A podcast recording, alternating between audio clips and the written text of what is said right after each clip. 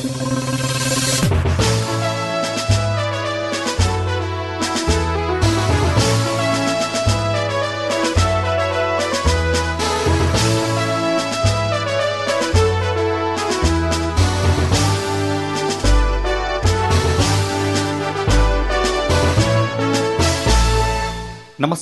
Hello सांसदमा तपाईँलाई हार्दिक स्वागत छ।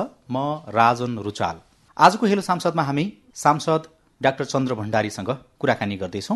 यहाँलाई स्वागत छ सिआइएनमा धन्यवाद। यस्तो सांसदको छवि बनाउनु भएको छ कि बोल्दाखेरि पनि जनताको आवाज बोल्नुहुन्छ बौद्धिक हिसाबको कुरा गर्नुहुन्छ। यसपटक चाहिँ संसदमा प्रवेश गर्दै गर्दाखेरि सांसदको रूपमा तपाईँ प्रवेश गर्दै गर्दाखेरि नयाँ केही गरौँ फरक केही गरौँ त्यो के छ तपाईँको मनमा? एकदम धन्यवाद। हामीले लामो समयसम्म सरकार चलायौँ। जनताका जनप्रतिनिधि भएर। तर जनताले मुलुकले के खोजिरहेको छ त? भन्ने कुरामा हामीले कहिले पनि ख्याल गरेनौँ। नेता बन्ने जनताबाट अनुमोदित हुने कुनै ठाउँमा नियुक्ति पाउने उसको अनुहारमा छ महिनामा परिवर्तन हुने। तर जसले हामीलाई मत दिएर पहिचान बनाइदियो उसमा कहिले पनि परिवर्तन नआउने उसमा कहिले पनि रूपान्तरण नहुने। नेता छँदा चाउरी परेका गाला संसद छिरे पछाडि पुक्क फुल्दै जान्छ फुल्दै जाने। यसले गर्दाखेरि मलाई एउटा अत्यन्त नयाँ अनुभव नयाँ पाठ सिकाएको छ। मैले के भने भने मुलुक गरिबीमा गइरहेको छ। हो नि। हाम्रो जस्तो राम्रो सुन्दर देश संसारमा कोही पनि छैन। यति राम्रो क्लाइमेट पनि केही पनि कोही पनि छैन। यति ठुलो सुरक्षित देश पनि कोही पनि छैन। यो किन बिग्रिरहेको छ? हामीले किन गर्न सकिरहेको छैनौँ भन्दाखेरि मैले यसलाई केही कुराहरू मैले आफूले जीवनमा मैले अनुभव गरेको छु। त्यो नेपालको सबैभन्दा ठुलो रोग भनेको करप्सन रहेछ भ्रष्टाचार रहेछ। ठुला घर बनाउने आफ्नो परिवार बनाउने राम्रा गाडी चढ्ने राष्ट्रको सम्पत्तिको दोहन गर्ने। त्यसैले आफ्नो पहिचान बनाउने। त्यो चाहिँ तल्लो तहदेखि माथिल्लो तहसम्म। तल्लो तहदेखि माथिल्लो तहसम्म मैले यो देखेँ। र यसको समाधान के हो त भन्ने कुरा पनि मैले लाएँ। यसको निम्ति सबैभन्दा ठुलो कुरा रहेछ कानुन। यदि कानुनले आत्मसमर्पण नगरिदिएको भए नेपालमा नयाँ नेतृत्व पनि जन्मने रहेछ र पुरानो नेतृत्व विस्थापित हुँदो रहेछ। यो मैले एउटा अरू मैले गरेँ। दोस्रो संविधान हामीले त बनायौँ। संविधानमा समानुपातिक समावेश व्यवस्था गऱ्यौँ। भलै यो व्यवस्था हामीले किन गरेको भने जो सीमान्तकृत वर्ग छ जसको आवाजहरू न सडकमा न सदनमा न योजनामा न कार्यान्वयनमा नभएकाहरूको आवाज सदनमा ल्याउँ त भन्ने तरिकाले हामीले व्यवस्था गऱ्यौँ। त्यसको पनि हामी दुरुपयोग गऱ्यौँ। त्यो वर्ग आउन सकेन आफ्नो वरिपरिका आउने पैसामा बेचिदिने यस्तो किसिमको भयो त्यसले पनि दुरुपयोग गर्यो। र यी दुइटै समस्या हुँदाहुँदै पनि मुलुकलाई कसरी बनाउने भन्दा मैले केही कुराहरू हेरेँ। एक मैले के सोचेँ भने हामीले मुलुकको विकास गर्न खोजिरहेका छौँ। हो। मुलुकको विकास गर्ने भनेको त सडकहरू खानेपानीहरू सुरुङ मार्गहरू एकीकृत बस्तीहरूको गर्ने हो नि। तर तिनी किन भन्दैनन्? घरबार नभन् भएकालाई घरबार किन हुँदैन किन राज्यले सोध्दैन भन्दाखेरि? हामी कस्तो रहेछ भन्नुहुन्छ भने तिन वर्षभित्रमा सडक बनाउने भन्छौँ तिन वर्षभित्रमा सुरुङ मार्ग बनाउने भन्छौँ तिन वर्षभित्रमा एयरपोर्ट बनाउने भन्छौँ। तर त्यसको बिसौँ वर्ष किन लाउँछौँ भने त्यसमा नियम कानुन भएन त्यो नै खाने माध्यम बन्यो। उदाहरणका लागि हामीले मिलम्चीलाई पनि लिन सक्छौँ। त्यो त्यो नै खाने बानी बन्यो। एउटा बेलम्ची ल्याउनलाई तेइस वर्ष लाग्यो। लाग्यो। संसारमा नभएको कुरा। त्यसैबाट रकम बढाउँदै जाने मङ्नी बढाउँदै गएर मुलुकलाई दोहन गर्ने भएको। त्यस कारण निश्चित समयभित्र हामी विकास निर्माणका कामहरू कसरी सिद्ध्याउने कानुन के बनाउने भन्ने एउटा हामीले तुरुन्तै गर्नु पर्यो। यसले मुलुकको विकास गर्ने भने। अहिलेको अवस्थामा हेर्दाखेरि त झन्डै सयवटा विकासका कामहरू चाहिँ हामीले लियौँ भनेदेखि त्यो मध्ये अन्ठानब्बेवटा चाहिँ ढिला नै हुन्छ होला। ढिला मात्रै होइन कि त्यसमा क्वालिटी पनि हुँदैन। यस्तो देशलाई दोहन गर्यो त्यस कारण यो चाहिँ नि एउटा माफिया तन्त्र त्यहाँ गयो यसमा कानुन चाहिँ कहाँनिर सुधार्नु पर्ने छ डाक्टर साहब? के रहेछ खास? यसलाई जसले दिएको समयभित्र काम चाहिँ कम्प्लिट गर्नु पर्यो। जसले दिएको समयभित्र कार कार गर्दैन भने त्यसलाई कार त्यसलाई हटाइदिनु पर्यो। नयाँ व्यक्तिहरूलाई इन्टाच गर्नु पर्यो। यता इन्जिनियरहरू छ यङ जेनेरेसन आएको छ भने उसलाई हामीले ठेक्कापट्टा दिने वातावरण बनाउनु पर्यो। चार पाँचवटाबाट घेरिएर बस्नु भएन। तिनको आधारमा नीतिगत करप्सन गर्नु दिनु भएन। जो अहिले कन्टिन्यू यो काम भयो एउटा कुरा एउटा एकछिन म तपाईँलाई रोकिहालेँ। यही विषयमा प्रश्न गर्न मन लाग्यो। अहिले संसदमा पुगेका सांसदहरूको यसो अनुहार हेर्ने हो भनेदेखि त आधा उधी ठेकेदार भएका सांसदहरू अथवा आधा अवधि नेपालको विकासको ठेक्का लिएका जिम्मा लिएका र त्यो ढिलाइ गरेर बसेका सांसदहरू त्यहाँ पुगेका छन्। मैले यो कुरा तपाईँलाई बताइदिन्छु। पोलिटिक्स सजिलो भयो कमाउनेहरूका निम्ति मुलुक लुट्नेहरूका निम्ति उद्योग धन्दाहरू तपाईँले गर्दाखेरि ट्रेड युनियन हुने भयो बेच्न पर्यो मार्केट खोज्नु पर्यो त्योभन्दा त यहाँ त खान पाइयो नि। त्यस कारण हरेक पैसा भएका मान्छेहरू अझ ठुलो दोहन गर्नका निम्ति पोलिटिक्समा आउनु थाले। तिनीहरूले नै नेपालको राजनीतिक नेतृत्वलाई कर्मचारीहरूलाई यसले घेर्यो संवैधानिक निकायकालाई घेर्यो। त्यस कारणले राजनीतिलाई हामीले सेवामूलक भन्दा कमाउनेमा लगेको कारणले यो समस्या भयो। एक तपाईँ जस्तो सांसदलाई त ती सांसदहरू जो ठेक्कापट्टाको पृष्ठभूमिबाट संसदको यात्रा गरेका छन् तिनीहरूलाई तह लगाउनको लागि अथवा नीति निर्माण बनाउने कुरामा कानुन बनाउने कुरामा कस्नको लागि त मुस्किल पर्छ नि त। होइन हामीले विगतमा पनि गरेका हौँ संविधान बनाउने बेलामा ब्याङ्कका नियम कानुनहरू बनाउने कुरामा नीतिगत कुराहरूमा हामीले गरेका हौँ। तर सबैको के कमिटमेन्ट हुनु पऱ्यो एउटा मानिस इमान्दार भइदियो भने एउटा मान्छे मोरल भइदियो भने धेरै ठुलो परिवर्तन हुन सक्छ। नेपालमा नभएर एक यो कुरा भन्यो दोस्रो स्वास्थ्य र शिक्षा। तपाईँलाई एउटा कुरा मैले हेर्छु आज गाउँमा एउटा व्यक्ति सामान्य बिरामी भयो भने किडनीको बिरामी भयो भने क्यान्सरको बिरामी भयो भने उसले औषधि गर्न सक्दैन। रुँदै हिँड्नुपर्छ। रुँदै हिँड्नुपर्छ। तर माथिल्लो तहमा बसेको छ भने उसले कहीँ न कहीँबाट लिएर आएको छ। त्यति मात्र होइन पूर्वको नाममा पनि लुटेकै छ। करोडौँ रुपियाँ। पूर्वको नाममा। जसले देश लुट्यो उसैको पूर्वको नाममा गाडी छ सुरक्षा छ भवन छ भाडा खर्च छ यस्तो छ। यो देश यस्तो देश कोही पनि देख्नु त्यस कारणले गर्दा हामीले के गर्नु पर्यो भने स्वास्थ्य पनि सरकारले ग्यारेन्टी लिन दिइदिनु पर्यो जनताको स्वास्थ्य उपचारको निम्ति। अब शिक्षा शिक्षा नभइकन मुलुक रूपान्तरणै हुन सक्दैन। तपाईँले ट्रान्सफर्म गर्न सक्नु शिक्षा नभए आज ग्लोबल भिलेजमा अमेरिकाको युरोपको अस्ट्रेलियाको इन्डियाको चाइनाको जस्तो पाठ्यक्रम हामीले किन नबनाउने? जापानको जनता त एउटै हुने त। यो बच्चाहरू त एउटै हुने। अहिले प्रविधिको विकासले हामीलाई तल्लो तहसम्म एउटै त बनाएको छ यो ग्लोबल भिलेजमा भने। हाम्रो पाठ्यक्रम जहिलेसुकै परिवर्तन छ। समय अनुकूल छैन। रिटायर हुनपर्ने मान्छेहरू जसको ज्ञान छैन। उनीहरूलाई चाहिँ नि राखेको छ। एउटा राम्रो शिक्षक भयो भने त्यसले आमूल परिवर्तन गर्न सक्छ कतिसम्म भने शिक्षक सेवा आयोगले जब परीक्षा लिन्छ कतिपय विषयमा त उत्तीर्ण हुने शिक्षक पनि पाइँदैन। त्यति मात्र होइन। अहिले हामीले प्रविधिसित जोड्न पर्यो हाम्रो शिक्षालाई। हो। कति राख्ने कर्मचारी कति राख्ने शिक्षक कति राख्ने डक्टर कति राख्ने होइन।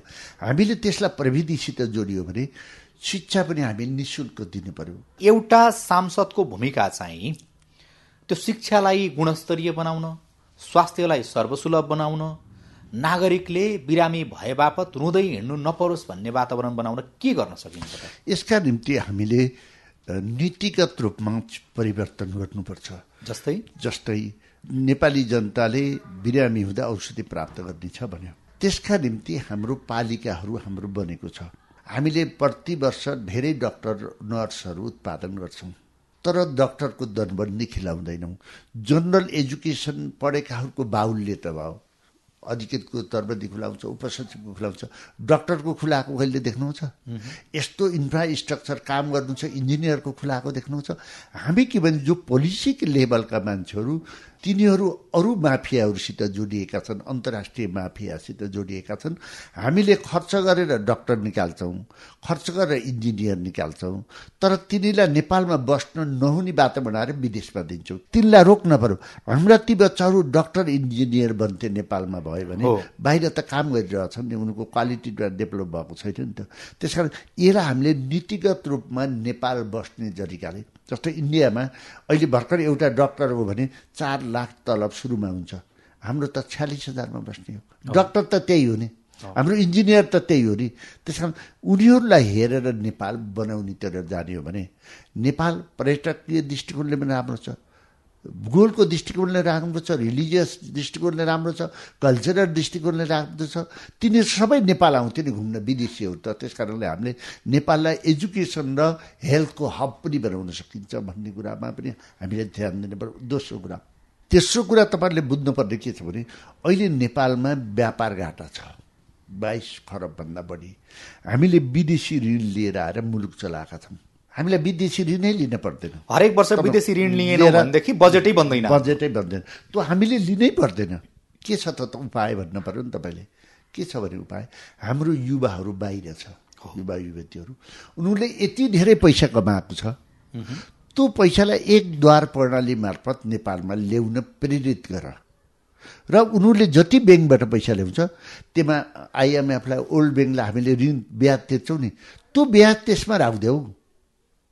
उनीहरूकोमा राखिदेऊ र त्यो पैसा सरकारले ग्यारेन्टी लिएर विकास योजनामा लगायो सडकमा लगाउने कि सुरुङमारमा लगाउने कि हाइड्रोमा लगाउने कि अरू रिलिजियस वा कल्चरल पर्यटकमा लगाउने कि गरिसकेपछि त त्यो नाफा कसरी त हुन्छ त्यो युवाको हातमा जान्छ नि। नेपाली लगानीमा नेपालले विकास गर्ने कुरा तपाईँले जुन भन्नुभयो स्वाभाविक हिसाबले त्यसको अध्ययन गरियो भनेदेखि एउटा फ्रेमवर्क बनाइयो भनेदेखि असम्भव भन्ने कुरा छैन। सम्भव हुन्छ र राम्रो पनि हुन्छ।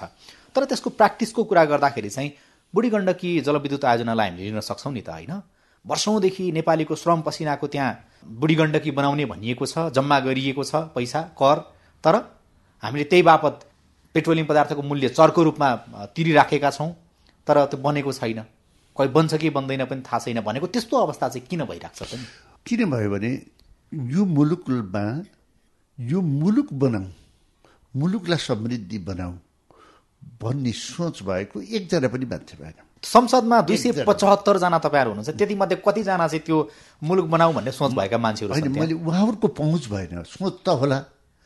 जो पोलिसी लेभलमा छ नि जस्तै नेपालमा पोलिसी बनाउँछ दस पर्सेन्ट सांसद छन् त्यसरी मुलुकको विषयमा धेरै धेरै पनि होलान् तर उनीहरूको पहुँच भएन नि। यो पनि एउटा हामीले सोध्नुपर्छ यस आधारले पनि। त्यस कारण मैले भनेको त्यो सुरुमा मैले भने त्यो पैसा हामीले ल्यायौँ युवाहरूबाट ल्यायौँ भने तपाईँले भनेको हाइटो पनि बग्छ। हामीले विदेशी ऋण लिनै लिनु पर्दैन कि? त्यो पैसा कहाँबाट ल्याउने भनेर हामीले सोचेनौँ। किन सोचेनौँ नि? कसरी तपाईँलाई एउटा इक्जाम्पल दिन्छु? हामीले भैरवा एयरपोर्ट बनायौँ। पोखरा एयरपोर्ट बनायौँ। निजगढ एयरपोर्ट बनाउने भनेका छौँ। भैरवा एयरपोर्ट त बनायौँ भारतको सिमानामा। इन्डियाले पर्मिसन दिने भने हाम्रो प्लेन उन्दो रहेछ। देख्नु छ नि अहिले रिक्त भएको छ। त्यो ब्याज कहिले तिर्ने? पोखराको भैरवाको भन्दा सानो एयरपोर्ट बनायौँ हामीले पोखरामा। यत्रो लगानी डबल टेबल गरायौँ होइन त्यो ऋण लिएर आएर। चाइनाबाट। चाइनाबाट हिजो एक्सिडेन्ट भएको देख्नु विदेशीको आउँछ। अब त्यो ब्याज हामीले कहाँबाट तिर्छौँ? त्यही त। किन त्यो गऱ्यौँ भने फिजिबल पनि छैन। त्योभन्दा त तपाईँलाई भैरवाबाट पोखरा आउने मुक्तिनाथसम्म चार लेनको बाटो बनाइदिएको भए। कति राम्रो हुन्थ्यो? तपाईँलाई सुरुङ मार्गहरू बनाइदिएको भए। त्योभन्दा आदि खर्चले सबै बन्थ्यो नि कति इन्डियन पर्यटकहरू गर्मीमा नेपाल आउँथ्यो होला कति घुम्न आउँथ्यो होला। जस्तो कि गौतम बुद्ध अन्तर्राष्ट्रिय विमानस्थल पोखरा अन्तर्राष्ट्रिय विमानस्थलहरू चाहिँ हिजो चाइनाले लगानी गरेको श्रीलङ्काको हनुमनटोटा बन्दरगाह जस्तो नबन्ला भन्न पनि त सकिन्न होइन र? हाम्रा मानिसहरूले टोटल कमिसनमा आफूलाई कमसिनमा आउँछ भनेर त्यसको भोलिको फाइदा के हो त मुलुकको निम्ति? हामीले तिर्न सक्छौँ कि सक्दैनौँ भन्ने त कुरै छोइदिएर कि? त्यस कारण इमान्दारी त कम हो। अर्को कुरा तपाईँ यत्रो विज्ञहरू देख्नुहुन्छ नि तपाईँले गाउँमा तपाईँले गाउँबाट हुर्केको मान्छे। नदीको किनारमा मान्छे बस्छ। बाढी आउँछ। हो। बाढी आउँछ। बाढी आउँदाखेरि तपाईँलाई चाहिने उसको जमिन पनि बगाइदिन्छ। र उसको जमिनमा बालुवा रहन्छ त्यो बालुवा त्यो जमिनको मालिकले जमिन त गाउने बालुवा पनि बेच्न पाउँदैन। त्यति मात्रै होइन। खोलाका किनारमा तपाईँले टिपर देख्नुहुन्छ। डोजरहरू पनि देख्नुहुन्छ। तर हातले बालुवा उठाएर खाने मान्छेलाई अधिकार छैन। पोलिसी लेभलको मानिसहरू माइक्रो लेभलमा जनताको समस्या के हो भन्ने पनि बुझ्न सक्दैन। ठिक भन्नुभयो। बुझ्नु न त्यसको प्रतिनिधित्व कसले गर्ने त? यो सबै हुने खालीको ड्याम्टी मात्रै। यो अर्को समस्या यसलाई हामीले सल्भ गर्नु जस्तो कि सालको गोलिया काटेर रुख काटेर घर बनाउनु पर्यो भनेदेखि एउटा सर्वसाधारणले स्वीकृति लिनुपर्छ काट्न पाउँदैन। तर त्यही सालका गोलियाहरू चाहिँ रातारात तस्करले ट्रकका ट्रक तस्करी गरिराखेका हुन्छन्। यो त्यस्तो देश हो। अनि तिमी राजनीति गर्दाखेरि जल जमिन जङ्गल जनताको भनेर गर्ने हो। गर्दा जनताले एउटा रुख काटेर घर पनि बारीको काट्न पनि नपाउने। खोलाको किनारमा बसिरहेको छ त्यसको बालुवा हातले टिपेर बेच्न पनि नपाउने खान पनि नपाउने। तिमी रोजगारी पनि नदिने। तिम्रो मात्रै घर बन्ने र तिम्रो बच्चा मात्रै बन्ने यो प्रवृत्ति तपाईँले देख्नुहुन्छ। यो गाउँमा त्यो छ सहरमा चाहिँ तपाईँकै सहरको कुरा गर्छु अहिले तपाईँ बसिरहेकै ठाउँको। मान्छेले यसो ठेलागाडा गुडाएर सडक किनारमा चाहिँ छेउमा यसो पसल थापेर बसेर खान पनि नपाउने। अब जनता कहाँ जाने? होइन त्यसको यसको प्रश्न उठेको छ जस्तै खोलाका किनारमा बसेको सुकुमा ठेलामा व्यापार गर्ने व्यापारीहरू त्यसलाई आइडेन्टिफाइड गर गर। तिनलाई घर बनाइदेऊ न। दस बिहा जग्गा ल्याऊ रोजगारीको बाटो देऊ। होइन नयाँ जमिन छ तिमीले नयाँ भवन बनाइदेऊ न। प्लानिङ गरेर बनाइदेऊ। धेरै पैसै लाग्दैन कि जमिन खन खोर्छ खाऊ भन बरु। खाना खर्च खाउ छ के? तपाईँलाई यो पनि मैले पछि। गर, उद्यम मैले- गर। मैले भन्छु यो अब कृषिमा आउनु हो तपाईँ। एउटा किसान छ हो? उसले खेती गर्छ। होइन? उत्पादन गर्छ। उसलाई बजार चाहियो पाइएन।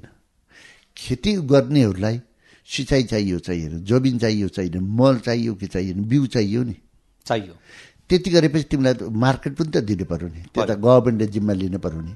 संसारमा किसानहरूले फ्री सिँचाइ पाउँछ बिजुली पाउँछ मल पाउँछ तर पनि राज्यले जिम्मा लिन्छ फेरि जमिन पनि दिन्छ। नेपालमा हो यहाँ सुसाइड गर्नुपर्ने हुन्छ पशुपालन गरिएको छ।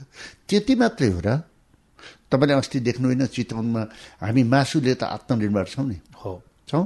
राज्य। मन्त्री बन्नेलाई सबै जति बेला तपाईँ कुखुरा बन्दै हुनु बनाउँदै हुनुहुन्छ मासु बेच्दै हुनुहुन्छ अन्डा पार्दैछ त्यही बेला इन्डियाबाट ल्याइदिनुहुन्छ जति बेला तपाईँले तरकारी उत्पादन बेच्ने बेला हुन्छ त्यति बेला तपाईँ इन्डियाबाट ल्याइदिनुहुन्छ नेपालका गोलभेडा चाहिँ सर्लाहीको लालबन्दीमा राताम्य भएर सडकमा फालिन्छन् त्यही बेला इन्डियाको गोलभेडा ट्रकको जति। बेला तपाईँलाई आँप पाक्छ त्यही गरिदिनुहुन्छ जति बेला तपाईँको सेउ फल्दै हुन्छ सेउ पाक्दै हुन्छ सेउ ल्याउनु पर्ने हुन्छ त्यही गरिदिन्छ तपाईँसितको इमान्दारिता खोइ तपाईँले जीवनभरि के भाषण गरेको?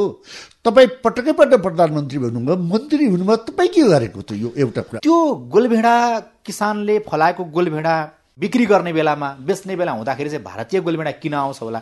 त्यसको कमिसन कसरी त्यो मन्त्रीको कोठासम्म आइपुग्छ? के हुन्छ यसमा खास? अनि यिनीहरू यो मुलुक टोटल्ली माफियाको हातमा गइसक्यो। त्यो माफियाले कति कति बेला बुझाउन केही बोलाउँदा मन्त्री होला कर्मचारी होला अझ यो तपाईँलाई नेपालमा पढेको ब्युरोक्राटहरू जो लोकसेवाबाट आएका हुन्छन् होइन? उनी कति ट्यालेन्ट होला लोकसेवा पास गर्न त धेरै दुःख छ नि। त उनीहरूले पनि किन काम गरिरहेको छैनन् भन्ने मेरो प्रश्न छ। पोलिटिकल मान्छेमा त व्यवहारिक नलेज छैन। नेताहरूले अब समानुपातिक भयो आफ्नो व्यक्ति खोज्नु पऱ्यो कोहीलाई बेच्नु पऱ्यो पैसाको निम्ति बेचिदिनु पऱ्यो राम्रो क्वालिटीको पनि आएको छैन होला राम्रो मान्छेले टिकट नपाएको पनि हुनसक्छ त तपाईँको त ब्युरोक्राट त थाहै सरकार हो नि उसले के हेरिरहेछ? मुलुकको निम्ति उसले गर्न सक्दैन। जब यो देशको सभामुख थुनिन सक्छ एउटा महिलाको केस लाएर आधी घन्टामा। नेपालको सबैभन्दा राम्रो खेलाडी थुनिन सक्छ राम्रो फिल्मको हिरो थुनिन सक्छ हो? किन थुनिन्न यिनीहरू जसले गलत गरिरहेका अब भन्नेले त सबैभन्दा बढी भ्रष्टाचार नै ब्युरोक्राट्समा छ भनेर? तपाईँले भन्छु। अब यो किसानलाई के गर्ने त? भन्दा विकल्प खोज्न पर्दैन। पर्छ। जस्तै अहिले कागतीको मूल्य सत्तरी असी रुपियाँ छ। अक्सिजनमा जाँदा एक हजार पर्छ भने। तपाईँले यस्तो कोल्ड स्टोरसित किन नजोड्ने प्रत्येक गाविसमा कोल्ड स्टोर बनाइदिनुहोस् न। त्यसको बिजुलीको लाग्ने लागत सरकारले बिना गरिदिएपछि त त्यो स्याउ राखिदिनुहोस् कागती राखिदिनुहोस् सरकार राखिदिनुहोस् अक्सिजनमा जनताले कति पैसा पाउँछ? तिम्रो जनताको हातमा जान्छ कि जान्न पैसा? जान्छ। त्यो तपाईँसित सोचै छैन। नचाहिने कुरा गरेको छ। मुलुकलाई के असर पर्छ? जनतालाई के गर्नुपर्छ सोच नभएपछि के हुन्छ? न राष्ट्र मुलुक बनाउनको निम्ति विकास निर्माणको सोच छ। न शिक्षापट्टि सोच छ न स्वास्थ्यपट्टि सोच छ। न विदेशी लगानी कसरी भित्राउने हो भन्ने कुराको सोच छ। न विदेशी युवाहरूलाई पलायन हुने युवाहरूलाई नेपालमा कसरी रोक्ने हो भन्ने सोच छ न त किसानलाई केही गर्ने हो भन्ने सोच छ न त प्राकृतिक स्रोत र साधनको कति बेस्ट युज गरेर नेपाल सम्पन्न बनाउने हो भन्ने सोच सोचै नभएका मान्छेहरूको हातमा यो मुलुक भयो। अब त तपाईँले एउटा हेर्नु होला अहिले ब्याङ्कहरू खोलिरहेको छ पाँच सातजनाको हातहरूमा ब्याङ्क छ। उही ब्याङ्कर हो उही बिजनेसम्यान हो। नेपाली डुब्ने त नेपाली नै हो नि। अभिमन्यु त नेपाली नै बन्ने हो नि। मर्ने त नेपाली नै हो नि। त्यस यसबाट हाम्रो संसदले मुलुकका जनताले भनेका छन् कि तिमी हाम्रो बारेमा बोलिदेऊ। तिमी लड यो भनिरहेका छन्। तिमी इमान्दार बढेर लड भनेर हामीलाई भनेका छन्। जनता पनि कस्तो छ भन्नुहुन्छ जनतालाई पनि कस्तो समस्या छ भन्नुहुन्छ नि माफियाहरूको हातमा पैसा छ। यिनीहरूले पैसा बाँड्छ। अलि शक्ति अलि पढे लेखेको बुझेको मान्छे सबै बाहिर छ। जनता गरिब छन्। त्यसपछि यिनले के गरिदिन्छन्? भने चुनावको बेलामा दोकान थापिदिन्छन्। पाडाको रक्सीको माफियाहरू कुहिएको चामलको। तिनै मार्फत पैसा गएछन् तिनीहरूको च्यानल मार्फत पैसा गएछ उसले दोकान थापिदिन्छ र सही मान्छेले जित्न नसक्ने पनि अवस्था बनाइदिन्छ। यसपालि अलिकति कुरा जोडिहाले। अस्ति चित्रबहादुर केसीले संसदमा उभिएर चाहिँ बोरामा पैसा बोकेर जानेहरूले मात्रै जित्ने अवस्था भयो अनि फर्केर आइसके पछाडि कमाउनु पर्यो त्यसकारण देश डुब्दै गयो भनेर भन्नुभयो। उहाँले भनेको कुरा एकदम तपाईँले चाहिँ कति पैसा बोकेर जानुभएको थियो होइन यस्तो मेरो प्रतिद्वन्दीले हामी चारपटक सँगै उठ्यौँ। एमालेका प्रदीप गेवाली र तपाईँको कुरा। म कहिल्यै चाहिँ म एक सामान्य मानिस हो म मेरो आफ्नो काम आफै गर्ने बढाइ गर्ने ध्यान दिने मुलुकको बारेमा चिन्तन गर्ने टाइपको मान्छे हुँ होइन? मसित खर्च गर्ने बेलासम्म थिएन। मेरो साथीहरूले आफूले सक्दो सहयोग गर्नुभयो। पार्टीले गर्यो होला। पार्टीले त थोरै गर्यो होला। पार्टीमा पनि म रुचाइएको मान्छे होइन। त्यसकारण उहाँले अहिले जो सरकार थियो त्यति बेला शेरबहादुरको उहाँले मलाई धेरै सहयोग गर्ने कुरै पनि भएन। उहाँका वरिपरिका साथीहरू मेरा विरोधमै थिए मलाई हराउनेमै लागेका थिए होइन?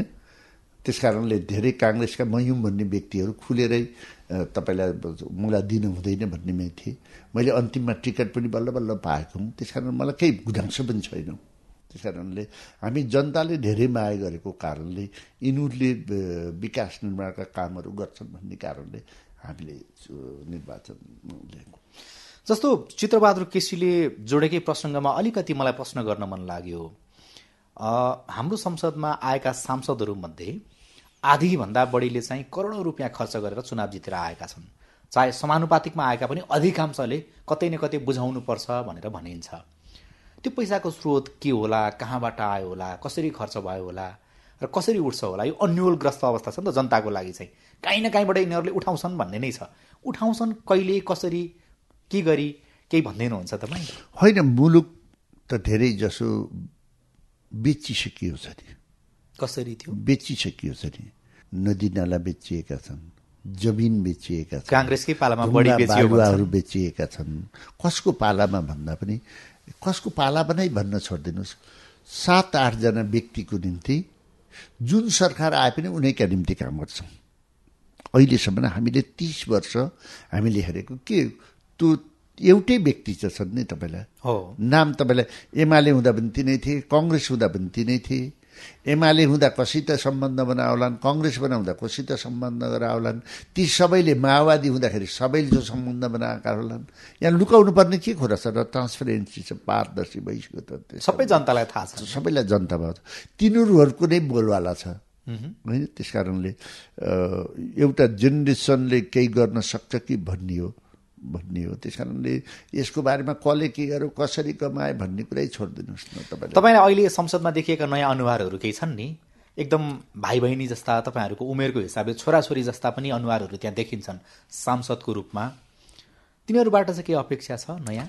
म त नयाँ जेनेरेसनपट्टि अत्यन्तै ठुलो अपेक्षा छ। एकदमै आशावादी। म नयाँ जेनेरेसन उसको दिमाग पनि खाली छ। ऊ मुलुकपट्टि इमान्दार पनि छ। उसको दिमाग पनि पोल्युटेड छैन। तर उसले जे कुरा हुन्छ ऊ पवित्र मनले उठाउँछ। भलै नेपाली समाजमा कहाँ लाग्छ गोली लाग्छ त्यो फरक कुरा हो। तिनीहरू पवित्र छन्। त्यो पवित्रलाई पोल्युटेड बनाउन दिनुहुन्न भन्ने मेरो भनाइ र अहिले आएको नयाँ जेनेरेसन इमान्दार छ। तपाईँले अघि जति पनि कुराहरू भन्नुभयो सोचको कुरा नयाँ सोच हामीसँग छैन। हामीले विकासका लागि फरक तरिकाले सोच्नै सकेका छैनौँ भन्नुभयो।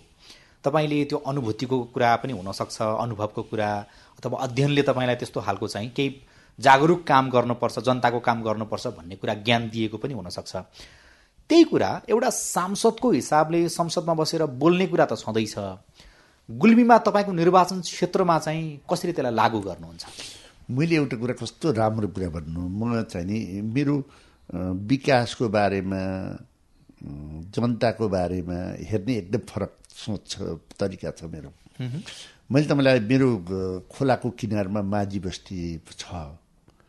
जसको घर छैन। बाबुआमा माछा मार्न जान्छ बच्चाहरू पछि पछि जान्छ कपडाहरू लगाउँदैन। त्यो स्थिति मैले देखेँ। गुल्मीमै। गुल्मीमै देखेँ। देखेपछि घर पनि छैन तपाईँलाई। तपाईँले युट्युबमा हेर्न सक्नुहुन्छ यी सबै कुराहरू। मलाई के लाग्यो भने मुलुकले अभिभावक त पाउन सकेन नेपाली जनताले पनि मुलुकले भन्ने भन्यो लाग्यो र मैले अभिभावक त दिनुपर्छ भनेर म सत्तरी सालमा जितिसकेपछि सबै घर बनाइदिएँ। त्यति बेला दोस्रो संविधान सभाको चुनावमा जितेपछि। घरहरू बनाइदिए। सबै बच्चाहरूलाई स्कुल जाने गराएँ हेर्नुहोस् है। अहिले तपाईँ जानुहोस् यति राम्रो बच्चाहरू भइसक्यो कि। कतिमा पर्सेन्ट ती बच्चाहरू अहिले? अहिले त धेरै वर्ष साठी सत्तरीजनाले त प्लस टू गरिसके। है? गरिसके सबका घर छन् एकदम राम्रा भए। भेट्दा के आफ्नो? गीतमा होइन उनीहरू त युट्युबमा तपाईँ हेर्न हेर्नुहोस्। खुसी उनीहरू त होइन भगवान् भन्छन्। नि त्यति मात्रै होइन हरेक दसैँ मैले उनीहरूसित मनाउँछु। दसैँहरू। त्यसले गर्दाखेरि हाम्रो कल्चर पनि फैलिने भयो अपनत्व पनि बन्ने भयो बच्चाहरूले पनि पढ्ने भए त्यो एउटा कुरा हेर्नुहोस् है। त्यो माझी बस्तीलाई सुधारे जस्तै गरी। तपाईँको पुरै निर्वाचन क्षेत्रलाई सुधार्न सकिन्छ। मुलुकलाई सुधार्न सकिन्छ। जस्तै हाम्रो विदेशमा युवा युवती छ। हेर्नुहोस् है। हेर्नु तपाईँले हेर्नुहोस्। हामीसँग सोचै नभएर नेपालमा छन् जति छन्। यिनीहरूले एकजना बच्चा मात्रै लिइदियो भने पनि मुलुक बन्छ क्या। उसको अब एउटा बच्चालाई खर्चै हुँदैन। सरकारी स्कुललाई राम्रो बनाइदिए हुन्छ। सरकारी स्कुललाई प्रविधिसित जोड दिदियो भने त अरू सबै कुरा छ त ल्याङ्ग्वेजको नै कमी हो? ती बच्चाहरूमा रेसिस्ट पावर छ। तपाईँले झ्याम्म कालामा हालिदिनु हालिदिनुहोस् बाबुआमाले बच्चा। तपाईँले आधी घन्टापछि तपाईँको काखमा रुन आइहाल्छ। अनुभव छ नि उता ज्ञानले मात्रै त केही हुँदैन नि। त्यो तपाईँ लिन सक्नुहुन्छ एक त्यो हेर्नुहोस् त्यो दोस्रो तपाईँ रिडीमा जानुहोस्। त्यहाँ मैले तिन मुखे पुल बनाएको छु। तिनवटा जिल्ला जोड्ने दुई हजार सत्तरी साल मङ्सिर पन्ध्र गते शिलान्यास गरेको। त्यहाँ हाम्रो पूर्व त्यति बेलाको मुख्य सचिव लीलामणिजी पनि हुनुहुन्छ हामीले गऱ्यौँ। होइन? त्यो पुल यत्र प्रधानमन्त्री भए यति मन्त्री भए यति विज्ञ भए आफ्नो जिल्लामा कसैले पनि बनाएन नि। त्यो दक्षिण एसियाको नमुना पुल हो। हामीले बनाएको। एमालेबाट तपाईँको जिल्लामा दुई दुईजना मन्त्री भयो यो बिचमा। होइन। त्यति मात्र होइन। तपाईँ बा बागलुङदेखि जो गण्डकी प्रदेशसम्म जानको कहाँ यताबाट जाँदाखेरि पा बुटोलबाट जाँदा पाल्पा हुँदै जानु पर्थ्यो नि। गुल्मी जानु पर्थ्यो सिद्ध बाबाको पहिरो के थियो? कति मान्छे मरे? हामीले वैकल्पिक रोड सालजन्नी बनायौँ। तर एमालेको बेलामा त्यो बजेटै काटेर दियो। अब नयाँ कुरा गरौँ। तपाईँले त पाँच वर्षसम्म काम गर्न पाउनुहुन्छ। किनकि पाँच वर्षको लागि जनताले तपाईँलाई निर्वाचित गरेर पठाएका हुन्। बिचमा भवितव्य केही भएन मध्यावधि भएन संसद विघटन भएन भनेको कुरा गर्दैछु। यदि पाँच वर्ष कार्यकाल पुरा तपाईँले सांसद हुन पाउनुभयो भनेदेखि तपाईँको निर्वाचन क्षेत्र चाहिँ पाँच वर्ष पछाडि फेरि चुनाव लड्नु होला नलड्नु होला त्यो आफ्नो ठाउँमा छ। त्यति बेला तपाईँले लैजानु होला नलैजानु होला त्यो पनि आफ्नो ठाउँमा छ। तपाईँका जनताले चाहिँ डाक्टर चन्द्र भण्डारीको कारण यो क्षेत्रको मुहार फेरियो। हामीले यस्तो खालको चाहिँ अनुभूति गर्न पायौँ। खुसी छौँ भन्ने स्थिति बन्छ कि भन्दैन मैले दुई हजार सत्तरी सालमा सुरु गरेका योजनाहरूलाई मात्रै यसलाई कम्प्लिट गऱ्यौँ भने गुल्मी जिल्ला नेपालको नमुना जिल्ला बन्छ। त्यो म बनाउँछु। तर तपाईँहरू सरकारमा हुनुहुन्न? अलि अप्ठ्यारो चाहिँ पर्छ कि बजेटको कारणले? नपरे पनि बनाउँछु। किनभने सबै सुरु भएका योजना हो सालझन्डी सडक बनाउने बित्तिकै गुल्मीबाट डेढ घन्टामा बुटुल पुगिन्छ। त्यो काम अहिले यो अ, शेरबहादुरजीको सरकार आइसकेपछि मैले अरबौँ बजेट ल्याइसकेको छु। रिडीबाट तमघास जाने बाटो छ दुई अरब हालिसकेको छु। रुद्रबेनदेखि बाग्लुङ जाने वामी हुँदै जाने चारवटा पुल बनाउनु थियो ठेक्कापट्टा भइसकेका छन्। अब कम खर्च लाग्ने काम मात्रै भयो नि त्यो कम खर्च लाएर बनाउने कामहरू मैले बनाउँछु। त्यति मात्रै होइन। हाम्रो प्राकृतिक रूपले राम्रो छ। ऐतिहासिक रूपले पनि रेसुङ्गाहरूदेखि लिएर थाप्लेको लेखदेखि लिएर कालीगण्डकी तपाईँलाई आफैले देखिहाल्नु छ शालिग्रामहरूदेखि लिएर धेरै राम्रो छ विचित्र गुप्ताहरूदेखि गुप्ताहरूदेखि राम्रो छ प्राकृतिक रूपले तर हाम्रो सडक नभएर अब हामी सडक बढ्यो भने म तपाईँलाई आजै भन्न चाहन्छु कि गुल्मी नेपालको नमुना जिल्ला बन्छ। हस् हुन्छ डाक्टर साहब यो समय संवादको लागि यहाँलाई धेरै धेरै धन्यवाद छ। धन्यवाद। यो सँगै हेलो सांसदको समय सकिएको छ। प्राविधिक साथी अविनाश आचार्य सहित म राजन रुचाल पनि विदा हुन्छु। हवस् त। नमस्ते।